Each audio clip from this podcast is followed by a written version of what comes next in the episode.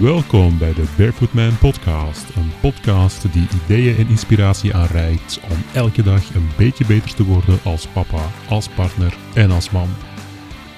Ik ben Dennis Frederiks, de host van de podcast. En we zijn klaar voor een nieuwe aflevering. Hallo Barefoot Man, welkom terug bij een nieuwe aflevering van de Barefoot Man podcast. En vandaag zijn we aanbeland aan een samenvattende aflevering. En in zo'n samenvattende aflevering vertel ik altijd de highlights van de volledige show die ik de week ervoor heb gebracht. En in zo'n volledige full show heb ik dan altijd een gesprek met iemand die heel gepassioneerd over een bepaald onderwerp kan vertellen.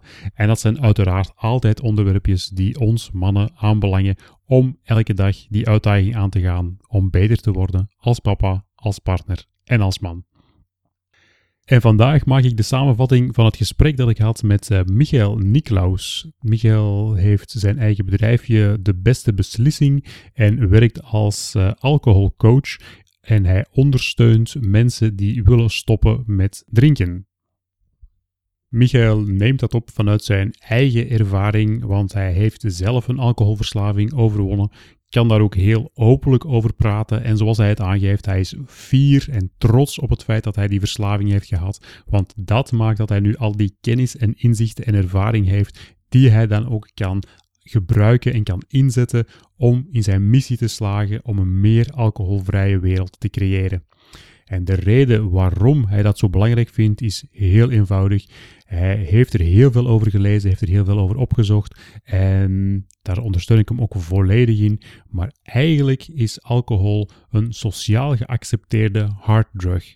Een drug die we met z'n allen gebruiken, die zelfs gepromoot wordt via de social media, via advertenties, via commercials op tv en radio. En we vinden dat allemaal oké. Maar als je echt gaat opzoeken over wat de effecten van alcohol nu eigenlijk zijn, dan zul je merken dat het helemaal niet zo oké is. De Wereldgezondheidsorganisatie geeft daar de aanbeveling mee dat je tot 10 alcoholconsumpties per week mag nuttigen, maar enkele jaren geleden waren dat er nog 28. Dus daar dat aantal is ook sterk gedaald en dat geeft ook opnieuw een indicatie van alcohol is eigenlijk helemaal niet zo goed. Nu, er zijn ook tegenovergestelde stellingen die dan eigenlijk net aangeven van ja, bijvoorbeeld één glaasje wijn per dag is dan toch weer net goed voor bijvoorbeeld hart- en vaatziekten en die zaken. En misschien klopt dat ook wel, maar het probleem daar is van wanneer heb je nog één glaasje gedronken? Meestal volgt er dan nog een tweede of misschien zelfs wel een derde enzovoort. En dat is de indicatie die Michael ook gebruikt in zijn werk om aan te geven van wanneer heb je nu een alcoholprobleem of niet. Wel, wanneer dat je het zelf niet meer onder controle hebt, wanneer dat je zelf niet meer kan stoppen. Als er na dat eerste glaasje altijd nog een tweede volgt of een derde enzovoort enzovoort, wel, dan heb je eigenlijk een alcoholprobleem. Heel recht toe, recht aan. Misschien ook wel een beetje chockerend voor velen, maar als dat zo is, dan moet je zeker de volledige show beluisteren, want daar geeft Michael nog heel wat tips mee van hoe kun je daar dan mee stoppen. Maar voor je kunt stoppen met drinken, moet je natuurlijk ooit begonnen zijn. En dat is op zich al een interessant gegeven van hoe beginnen we nu met alcohol drinken. Want als je alcohol laat drinken aan uh, een 16-jarige of zo, die het voor de eerste keer drinkt, de kans is heel groot dat we dat niet lekker vinden. En dan wordt het eigenlijk gestimuleerd vanuit de ouders zelfs, hè, met opmerkingen zoals, ja, maar je moet dat leren drinken.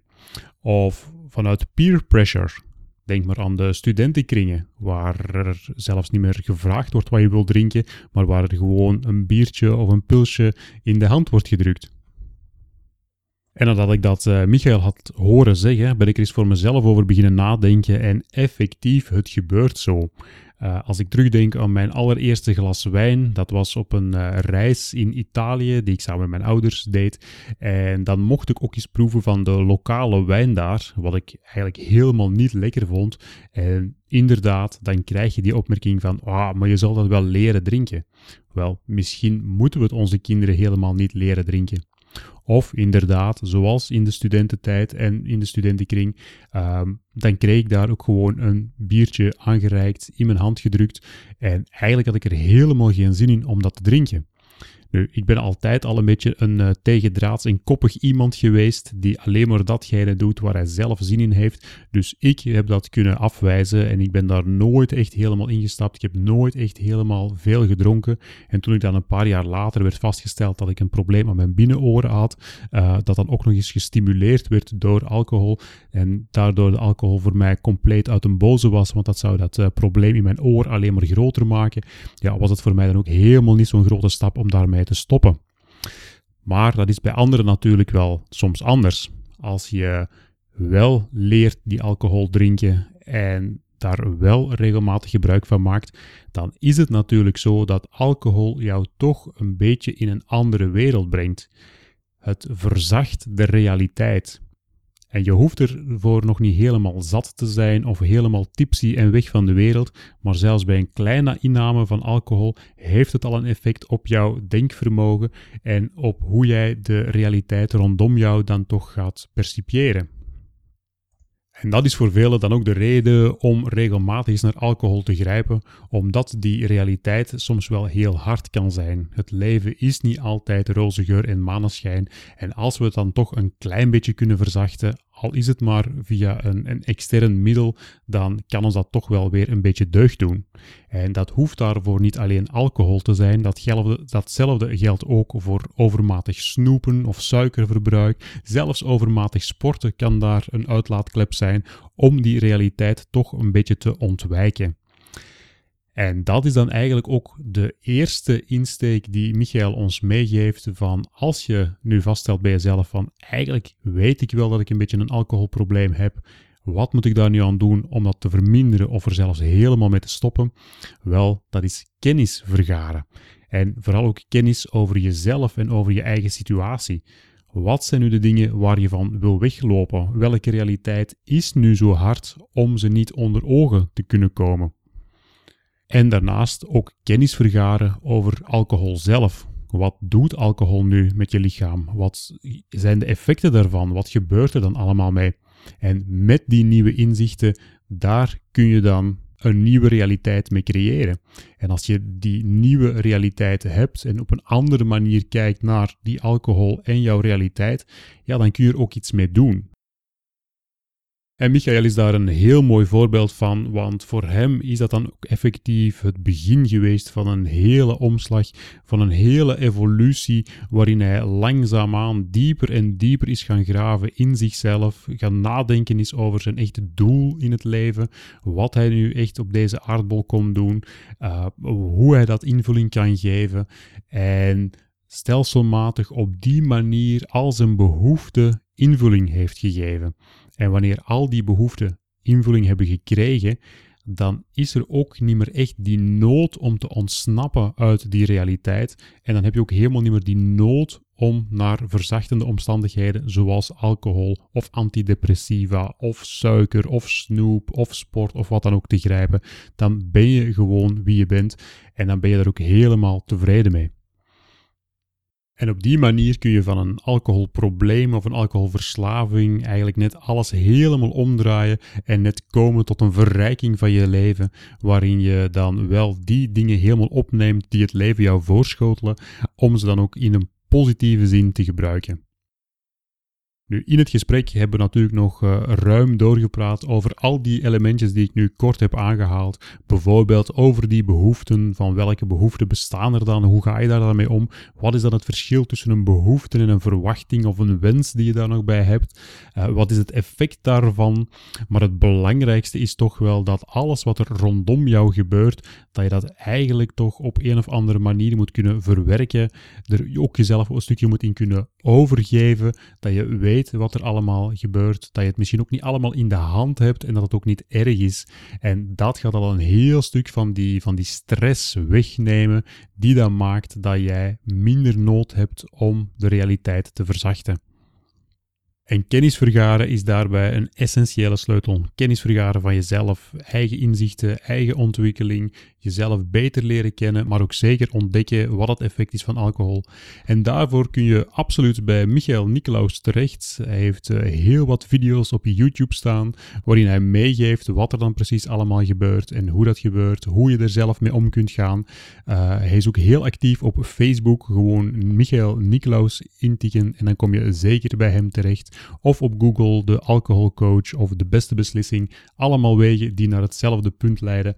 En dat kan jou allemaal helpen om die beste beslissing te nemen, namelijk weg van die alcohol en zonder alcohol de verrijking in je eigen leven op te zoeken. Zo, dat was de samenvatting van het volledige gesprek. Het volledige gesprek dat uiteraard nog veel meer in detail gaat op al die zaken. En volgende week ben ik er dan opnieuw met een volledige aflevering waarin ik opnieuw in gesprek ga met iemand die heel gepassioneerd over een volgend interessant onderwerp kan vertellen dat ons weer beter kan maken als mannen. En je kan die inspiratie niet alleen via de podcast hier oppikken. We hebben ook onze Facebookpagina, de Barefootman Facebookpagina.